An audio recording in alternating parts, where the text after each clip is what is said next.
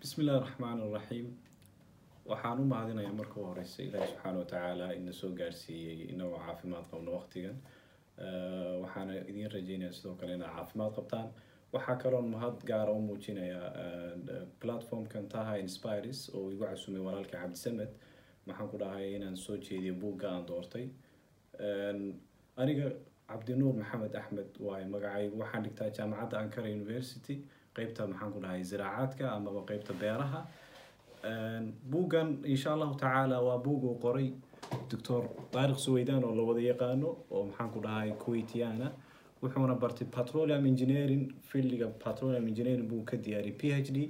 Hadda waqti xaadirkana uu ku howlan yahay ama uu diyaariyaa maxaan dhahay icdaad ilqiyaada maxaan dhahay mashruuca ugu magac oo ah tababaridda iyo kobcinta maxaan dhahay hogaaminta waana barnaamij uu rabo inuu kaga qeyb qaato horumarinta caalam islaami buugga uu qoray haddaan u daadego waa buug uu ugu magac daray khuda istaraatiijiya linahdat lumma waa qorshaha istaraatiijiyadeed ee horumarinta ummadda muslimiinta ah.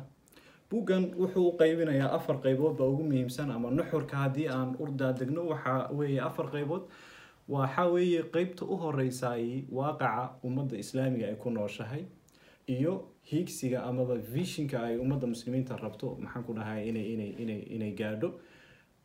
Hiigsigaas ama halka la rabo in la gaadhona waxa uu loo baahan yahay qorshe oo qorsheyn amaba khuda planning in la sameeyo.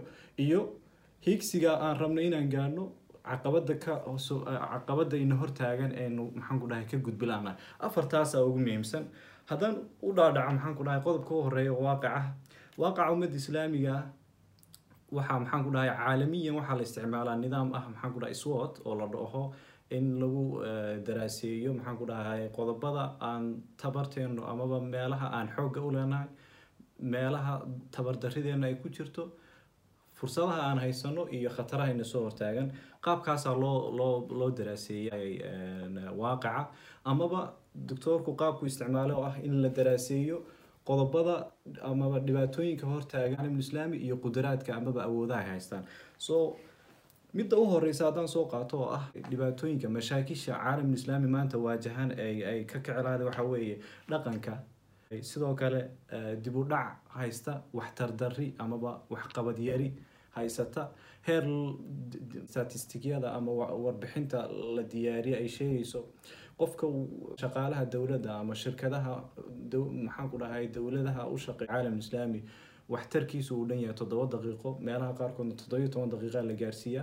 Halka maraykanka iyo jabaanna ay sideed saacadood iyo in ka badan ay waxqabadkoodu gaarsiisan yihiin. Kolka waxtar darri amaba howl howl yari baa yaan dhihi karaa yaa ka mid a dhibaatooyinka yaalla dhibaatada kale taale waxaa weeye hogaamin xumo siduu doctoorku uu sheegay oo ah haddiiba wuxuu yidhi la weydiiyo dadka loo doortay xilalka caalamul islaami ama dadka maamula caalamul islaami la weydiiyo.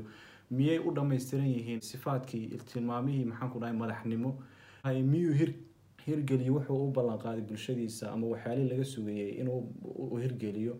Waxaa iska cadaanaysa inay duruufuhun ay maxaan dhahay kursiga ku nabeen. Kolka hogaamin xumona waa dhibaato taagan oo caalam islaam haysato. Haddaan ka soo gudubno qodobkaasoon u daadegno qodobka labaad ee waaqaca ummadda islaamiga waxa weeye waa quduraadka amaba meelaha awood ay islaami u leeyihiin amaba meelaha xoogooda uu ka muuqdo. Qodobadaas waxaan ku soo koobaynaa dhowr qodob oo ah in caalamul islaami uu yahay awood bulsheed amaba cadadka maxaan ku dhaha caalam islaami degan ay ka badnaan karaan yurub iyo wadamo badan oo laysku daray sidoo kale awood dhallinyarnimo. Waxaan ogsoonahay caalam islaami ay u badan yihiin maxaan ku dhahay dhallinyaro. Jacayl diimeed heer la gaarsiiyey in laga qaaday wadamooyinka qaarkood. Interview lagu eegayay siday u jecel yahay in diinta amaba kitaabka qur'aankii uu noqdo dastuurkooda daraasaadka la sameeyena runtii aad baa loola yaabay waayo maraykanka daraasaadkuu sameeyey waxay sheegaysaa egypt oo kale iyo waddamada lamidka inay boqolkiiba sagaashan ay u codeeyeen in maxaan ku dhahay kitaabka qur'aanka laysku maamulo. So waa awood ay haysato caalamul islaami. Kolkii laga yimaado juqraafiyadda iyo meeshuu ilaahay dejiyo oo patrol iyo tamarta maanta la raadcaynayo oo cadceeda markii laga yimaado taasina waa qudraad ay haysato. Haddaan u gudubno qodobka labaad oo ah hiigsiga caalamul islaami meesha ay rabaan inay gaadhaan. Sideedabana vision marka laga hadlayo waxaa la soo qaataa ama doctoorku wuxuu soo qaatay laba qeybood oo ah hiigsiga dhow oo labaatan sano iyo wixii lamida iyo hiigsiga fog oo lagu jaangoynayo konton sano ilaa iyo boqol sano. Qorshaha aan rabno inaan konton sano gudaheeda aan qabano iyo boqol sano gudaheeda taasnaa inaan dul istaagno meelaha la rabo caalamulislaami inay ka horumaraan waxaana aan isticmaali doonaa warbixinta ay diyaarisay maxaan ku dhahay world economic forum oo lagu maxaan ku dhahay xoogga lagu saaray labayo toban arrimood. Ay ka mid yihiin maxaan ku dhahay caafimaadka waxbarashada suuqa maxaan ku dhahay ka jira caalamka. Waxyaalahaas iyo wixii la mid a ayaa yaan dul istaagana kolka labayo tobanka arrimood baan rabnaa amaba siduu doctoorku uu dhigayo yaa la rabaa inay caalamulislaami ay xoogga saaraan? Labiyo tobanka arrimood oo sanad walba la soo saaro statistikiyada yani caalamka ama duwalka caalamka oo dhan siday ugu kala horeeyaan midka ugu horreeya waxa weye waxtarka dowladeed. Yani dowladaha ka jira waddamada waxqabad intee dhan bay ay u sameynayaan bulshadooda waxtarkaasi wuxuu noqonayaa dhinacii maxaan ku dhaha caafimaadkii kaabayaashii iyo wixii la mid a kaabayaashu keliyata ma maxaan ku dhahay bridges la dhisi iyo wadooyin la dhiso.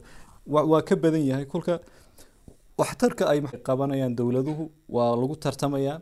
Waxaana markaan fiirino two thousand seventeenkii statisticgii la sameeyey oo doctoorku maadaama kitaabka tobanka waxaa kow galay finland singapore laba gashay. Caalam islaami wadanka ugu soo horreeyay wuxuu qatar oo afar gashay iyo imaaraadka oo sagaal galay. Dhaqaalaha marka la fiirinayo dhaqaalaha dhinacyo badan baa laga fiirinayaa. Dhaqaaluhu maxaan ku dhahay deganaanshaha dhaqaaleed yacni iyo xajmiga uu dhan yahay dhaqaalaha wadanka haysto. Isku soo duuduubo dhaqaalaha deganaanshihiisa marka laga fiirinayo wadanka norway baa kow ku jirta. Qatar oo maxaan ku dhahay kaalinta labaad soo gashay. Kuwait baa kaalinta saddexaad soo gashay. Afarna sacuudi carabiya ayaa soo gashay. Dhanka waxbarashada ayaa sidoo kale iyadana lagu jaangooyaa maxaan ku dhahay world economic forumka oo haddaad rabtaan maxaan ku dhahay aada dib ugu noqon kartaan we forum com website-ka la dhaho ayaad ka fiirin kartaan amaba global competitiveness reportskana waad ka fiirin kartaan qofkii u baahan yani statistikyadii u dambeeyey. Dhanka waxbarashada waxaa muuqatay in caalam islaami aada uu u dib dhacay. Arrimahaasna waxa uu doctoorku la xidhiirinayaa inay jirto gaab u dhaxaysa macalimiintii iyo ardaydii wax la barayay amaba in mufakiriinta caalamulislaami intooda u badan ay dalka ka haajireenba sababo jira awgeed tusaale haddii la soo qaato iiraan maxaan ku dhahay dhakhaatiirta iiraan joogta iyo dhakhaatiirta iiraaniyiinta ee dibadda jira kuwa dibadda jiraa ka badan. Kolka waa caalam iliidkii amaba dadkii maxaan ku dhahay fikirka bedeli lahaa ee waxbarashada tayeyn lahaa ay ka haajireen wadamadoodii sababo jira awgeed. Haddii aan ka gudbo loolanka caalamku qaabka u egyahay amaba sida kitaabka ku cad waxyaalaha maxaan ku dhahay lagu loolamayo marka aan ka gudubno qodobka saddexaad ama cutubka saddexaad haddaan gudubno waxa weeye caqabadaha hortaagan caalamulislaami maanta maadaama kitaabku afar arrimood uu dul istaagay. Afarta arrimood qodobka saddexaad waxay ahayd maxaan ku dhahay caqabadaha hortaagan caalamulislaami ee loo baahan yahay in laga gudbo. Caqabadahaas waxaa kow ka ah sidaan horeyba uga dhawaajinay oo dhibaatooyinka aan ku sheegnay maxaan ku dhahay madax kursi jecel oo danahooda mooyaane danta bulshada aanan maxaan ku dhahay fiirinaynin laaluush badan oo ka waddamada caalamulislaami oo aan loo aabayeelin maxaan ku dhahay hantidii ummadda muslimiinta ah. Saan wada ogsoonahay nebiga caleyh salatu salaam waxa uu mararka qaarkood markuu xil u dhiibo qof uu rabo inuu zake soo ururiyo. Waxaa dhici jirtay mararka qaarkood asxaabta mid kamida inuu dhaho maxaan ku dhaha intan waa intii zakada maxaan ku dhaha intan aanaa lai hadiyeeyey caleyh salatu salaam yacni qofkaas siduu oga ilaalinayo inuu maal muslimiinta kamidu isaga ku lumo daraaddeed ba wuxuu dhihi jiray intuu khudbadda ka kacay maxay idinla tahay dad aan u dhiibanayno xil masalan zakada soo ururi noo soo noqonayo oo noogu jawaabaya intana waa intii zakada ahayd intan aanaa laisoo hadiyeeyey nebigu jawaab buu siiyey uu leeyahay yuu muxuu u fadhiisan waayey guriga hooyadii? Wuu arki waayey maxaan ku dhahay in loo soo hadeeyey iyo in kale maxaan ku dhahay. So waa heerka aan la gaadhsiiyey maalka muslimiinta iyo maxaan ku dhahay sida loo dhowrayo. Yacni diinta islaamiga marka laga fiirinayo. Laaluushka kolka qaabkaas u yaalla waxaa caqabad ah oo iyadana aanan runtii layska indhatiri karin faragelinta shisheeye. Caalamulislaami lagu hayo oo iska cad oo maxaan ku dhahay aanan u baahnayn sharaxaad dheer. Sidoo kale doctoorku wuxuu ku darayaa maxaan ku dhahay loolanka ka dhexeeya caalamulislaami iyo israael oo dowlad maxaan ku dhahay dhul ka haysataa caalamulislaami caqabadahaas sababa ayuu ayuu u sababeynayaa. Sababo jira awgeed bay caqabadahaasi u joogaan buu leeyahay. Oo ay ka mid yihiin maxaan ku dhahayay sababahaas inuu qof haddii isbeddel yacni lagu dhaqaaqi lahaa caalamulislaami ay qaarkood ay ka baqayaan maxaan ku dhahayay mustaqbal maqan. Inay masalan maxaan ku dhahay waddamada shisheeye ay soo farageliyaan. Cabsi baa jirta maxaan ku dhahayay mustaqbalka maxaan ku dhahayay laga baqayo. Waa sabab maxaan ku dhahay keentay caqabadan inay sii jirto. Sidoo kale masalan dadka maamulaya caalamulislaami oo maxaan ku dhahay haddiiba ay isku dayaan inay bulshadooda waxay rabaan ay fuliyaan inay ka baqayaan maxaan ku dhahay masaalixdii kursigii ay waayaan. Taas lafteeda waa caqabado jira daraadeed waxaa laga yaabaa inay maxaan ku dhahay xidhiidhka in loo jaro ay ka baqayaan oo cunaqabateyn gaara la saaro. Iyo wixii lamida doctoorku uu maxaan dhahay uu ku soo ururinaya caqabadaha jira ee caalamulislaami haysta. Kolka kolkaan u soo daadegno qodobka u dambeeya oo ah in la dejiyo qorshe maxaan ku dhahay caalamulislaami lagu horumarinayo. Waxa uu doctoorku isticmaalayaa amaba uu soo diyaariyey heerar kala duduwan oo ah kolka hore in la qeybiyo mashaariicda lagu horumarinayo caalamulislaami mashaariicda qeybta u horeysa uu doctoorku maxaan ku dhahay uu ugu talagalay maxaan ku dhahay horumarinta caalamulislaami waxaa weeye in laga bilaabo xalinta mashaakisha caalamulislaami ka jirta oo ahayd afartii arrimoodeen soo sheegnay ee dhanka dhaqanka akhlaaqiyaadka caalamulislaami dhanka maxaan ku dhahay dib u dhaca oo waxbarashadii caafimaadkii iyo waxa lamida ay dib u dhaceen in maxaan ku dhahay la kobciyo hogaamin in la tababaro islaami xukumi karta oo hogaamin karta. Waa qodobka ah in maxaan ku dhahayay mashaariicda laga bilaabo dhaqanka toosintiisa. Qodobka labaad waxaa weeye si guud markii loo loo maxaan ku dhahay loo loo hagaajiyo dhaqankii iyo hogaamintii iyo wixii la mid a in loo soo dhaadhaco gobollada oo la qayqaybiyo gobol walba waxbuu ku xun yahay. Tusaale haddii soomaaliya aan ka soo qaadno gobollada qaarkood waxaa laga yaabaa inay waxbarashadoodu liidato.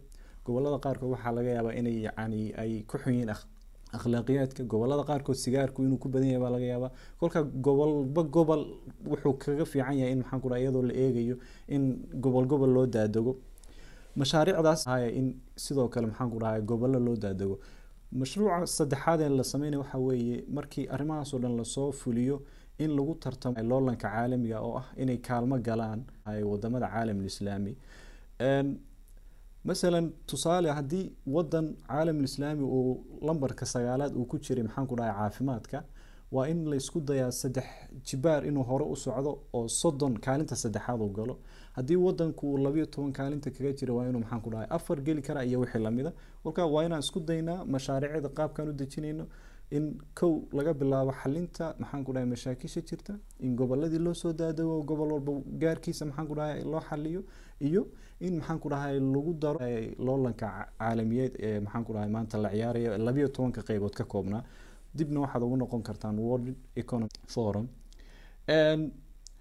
Maxaan dhahay gebagabada haddaan soo gunaanado marnaba la quusan mahayo nabiguna calayi salatu salaam wuxuu leeyahay haddii qiyaamadu dhacdo oo mid idinka idinka mida ay gacantiisa ku jirto laan hadduu kari karo inuu laanta beero oo dhulka geliyo ha beero.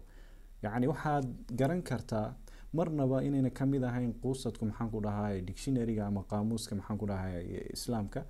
Mar walbana waxay nala jirta innaga inaan waxqabad sameyno kitaabkana runtii xaqiisa ma maynaan gudin laakiin waa mawaadicda ugu muhiimsan ayaa ayaan taabanaynay bay ahayd oo ahayd in waaqaca caalamulislaami aan jaangoyno meesha uu rabo caalamulislaami inuu gaarana aan cayino khudadii amaba qorshihii loogu talagalay in heysiga maxaan ku dhahay uu ku gaari la jeexo iyo in aan ogaano maxaan ku dhahay caqabadaha ina horyaala saan uga gudbi lahayn.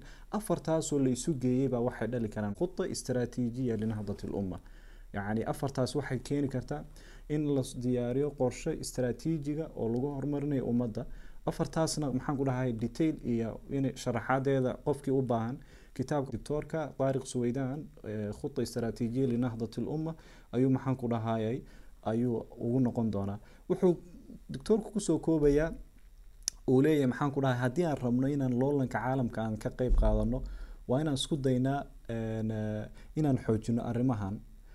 Kow inaan laysku dayo inay dowlad walba ay isku daydo inay ku biiri karto kaalmaha ugu horreeya iyadoo ka duuleysa dhanka caafimaadka kaabayaasha iyo waxbarashada iyo wixii lamida haddii la rabo in arrimahaas la xoojiyana wuxuu leeyahay waa in la sameeya confederal amaba maxaan ku dhahay midnimo ka dhexaysa maxaan ku dhahay wadamo ka mid a caalam islaami. Wadamada loo baahan yahay inay maxaan ku dhahay midoobaan uu doctoorku ku talinayo. Sidoo kale professor arbakan allahu naxariisto isaguna maxaan ku dhahayay wadankan turkiga maxaan ku dhahay waxqabad aada u weyn ka geystay uu isaguna ku talinayo. Professorka cabdalla nafisi la dhahaan uu ku talinayo waxaa weeye inay wadamo kooban ay midoobaan oy kow ka tahay wadankan masar sacuudiga turkiga malaysia indonesia pakistan.